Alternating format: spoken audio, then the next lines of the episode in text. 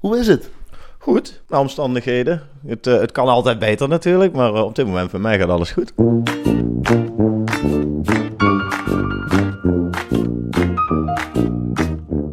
We zijn hier in Hartje, Maastricht. Eh, omschrijf even wat we zien vanuit jouw werkplek, Niels Rijsemus. Mm, Als je vanaf mijn, eh, vanaf mijn werkplek binnenkijkt, dan, eh, dan zie je eh, eigenlijk een werkplek van eh, zoals die waren in 1700.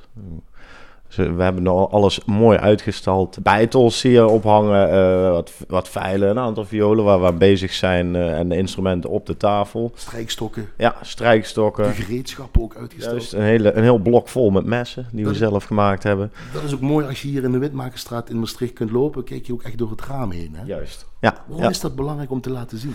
Zo, zodat je de, de, de nostalgie van het vak in, eh, in stand houdt. Dus eh, het heeft iets. Het, het trekt ook heel erg. Heel veel mensen lopen voorbij, komen nog even terug, kijken nog even en dan lopen we weer verder. Nou, het, he- het heeft iets. Wat is die nostalgie voor jou? Een manier ook om, eh, om- om, de, eh, het vak in, in, in leven te houden. Dat mensen weten dat, er, dat we niet eh, alleen maar met computergestuurde dingen bezig zijn. Maar dat er nog steeds handwerkberoepen zijn die ja, worden, worden gedaan zoals 300 jaar geleden. Hoe oud ben jij? Ik ben op dit moment 33. Ja, je hebt het van je vader Martin Rijsemus eh, Ja. Ja. geleerd. Jullie doen het ook samen, zal ik maar zeggen, Ja. die violenbouw. Hè? Ja, ja, we, ja, ik begon eigenlijk zo een jaar of vier, vijf. Eh, toen mocht ik al in de werkruimte komen en deed ik rondspelen. En ja, gaanderwijs is er eigenlijk eh, met poetsen en, en, en kleine dingen eh, ben ik begonnen. En zo ja, groot geworden. En toen, toen ben ik uiteindelijk gaan studeren. Heb ik er even een stop in gehad. En, Waar eh, heb je gestudeerd? Hè? in, mijn, in Eindhoven heb ik gestudeerd voor ondernemer, manager, detail en groothandel. Maar dat was het niet. Eh, nee, nee, managementberoep is, eh, is leuk verdienen, maar dat is ook eh, iets dat moet, je, dat moet je willen, echt willen. En ik vond daar helemaal niks aan. En omdat je vader vioolbouwer is, dacht je van, dat is misschien wel wat. Ja, ja het was gewoon, eh, ik was mijn hele leven al gewend om gewoon lekker rustig aan de werkbank te werken. En geen strakke deadlines en mensen die zitten, te- zitten te- op je nek zitten om, om, om bepaalde cijfers omhoog te brengen. Eh, nee, allemaal niet. Gewoon lekker zelf, rustig, geen hoge hartslag. Ben ik van mening dat ik een stuk langer leef.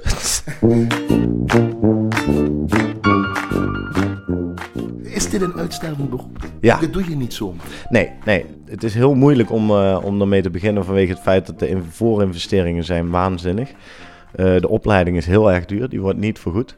Dus je moet hem zelf eh, betalen. En eh, voordat je een vioolbouwer bent, ben je tien jaar verder.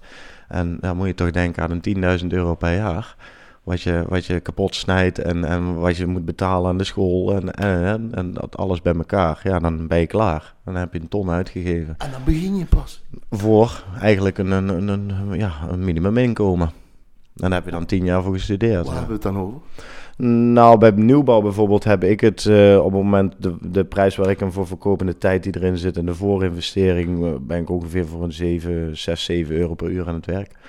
En wat kost dan dan zo'n viool uiteindelijk als je verkoopt? Dan moet je er toch nog 12 tot 14.000 euro voor neerleggen.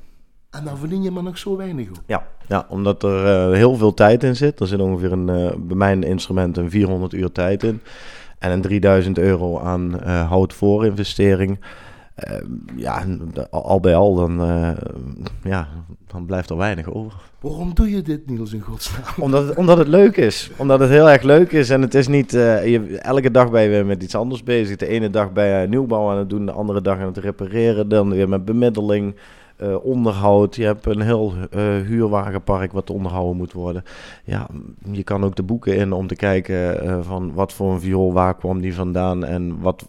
Bijvoorbeeld had die bouwer twee of drie zoons. Of een dochter en een zoon. Dat, dat verrijkt weer je, je know-how van als iemand binnenkomt en een viool voor je neus houdt, dat je weet van oké, die komt uit die konterij en die is door vader en zoon samengemaakt, of alleen door vaders of alleen door zoon.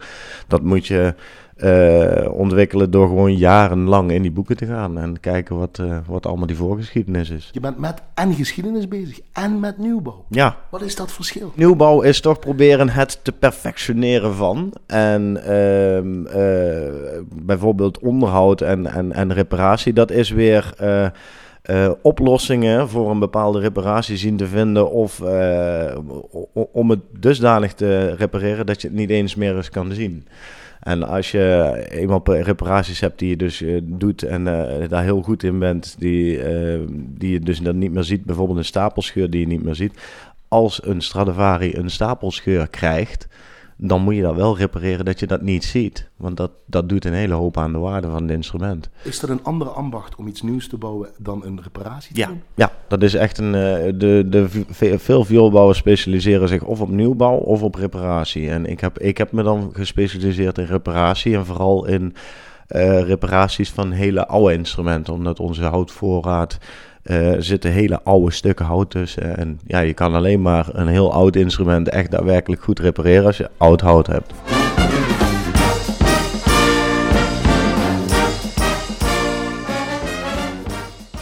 Voor een hout wordt gemaakt, violoncello? Van esdoorn en uh, fichte. Fichte is een uh, spar, een sparrensoort. En het bovenblad is van een zachte houtsoort en de rest is allemaal van een hard houtsoort. En dat, ja, dat, de, de bladen worden eigenlijk met, met schaafjes als het ware helemaal uitgeschaafd totdat je een, een, een blad overhoudt eerst aan de, aan de bovenkant uh, een mooie welving erin schaven totdat je helemaal tevreden bent. En dan daarna haal je de binnenkant uit en met een diktemeter kan je dan uh, heel mooi uh, de dikte bepalen van het blad. En dan voel je hoe dat beweegt als je, als je gedurende je bezig bent, hoe dik dat is. En dan als het eenmaal goed is, dan maak je het af en dan gaat er inleggen in en dan, dan wordt het toegevoegd aan, aan de body.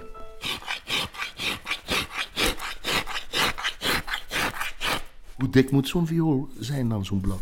Hij is niet overal even dik. Ehm, hij is op eh, bepaalde plekken is hij uh, 2 mm en op andere plekken is hij 3 3.2, het verschilt. Het ligt er maar net aan hoe het hout zich aanvoelt op het moment dat je ermee aan het werk bent. En hoe weet je dan, hier moet ik niks meer aan schaven, hier hoef ik niks meer aan te doen? Dat voel je. dat, dat, is dus, dat is die, die, die, die tien jaar die je nodig hebt van die opleiding om, om te doen en te voelen. En in die tien jaar vers, vers, uh, versnij of uh, schaaf je het verkeerd of je voelt verkeerd.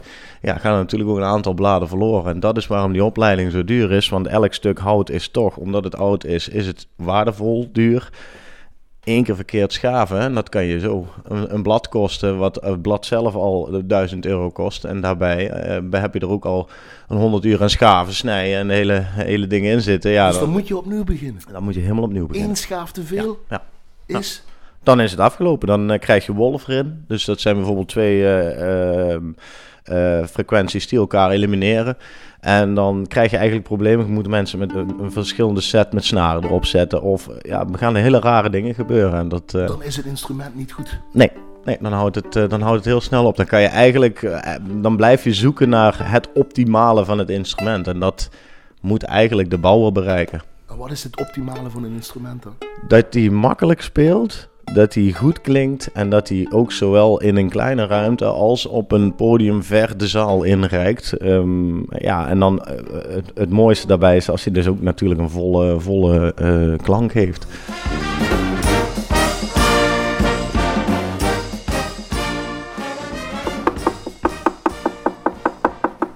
Zo hoort hij te klinken. En als ik dan hier klop.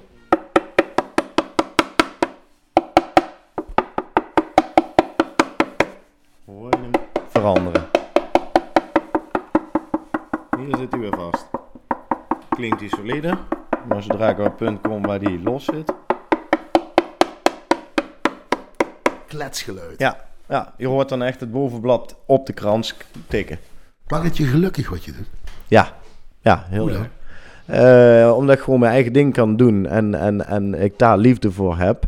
Uh, ik heb ook van allerlei andere beroepen gesnoept, zoals van de horeca tot verkoper, tot manager, tot, tot uh, paintball-instructeur. je kan zo gek niet verzinnen, ik heb het allemaal gedaan. En um, dit is toch nog na al die jaren, zelfs vanaf dat ik vier jaar was en al die jaren hier te hebben gezeten, is het nog steeds niet saai. En dat, ja... Dan, ik zit nog steeds af te vragen wanneer het beroep saai gaat worden. Ik, heb dat nog niet, ik zie dat nog niet aankomen. Dus. Als ik het moet omschrijven, geeft het mij het gevoel alsof ik niet in 2020 leef, maar ik leef in 1700 met niet de ellende uit die tijd. dat, dat, is het eigenlijk. Lekker, lekker rustig. Net zoals in Stradivari ook. Is heel oud geworden. Ik geloof 94 of 96. Ja, dat, die verdiende ook meer dan genoeg. Die deed gewoon dat we die leuk vonden, dat de hele, in zijn hele leven lang. Ja, daardoor word je volgens mij oud. Waarom zal je dit vak blijven uitoefenen? Omdat ik hier zoveel liefde voor heb, dat als ik iets anders zou gaan doen, denk ik dat dat heel snel saai zou worden. Het is gewoon een geweldig beroep om te, om te mogen uitoefenen en nog steeds te kunnen doen in de maatschappij die het eigenlijk niet meer echt toelaat.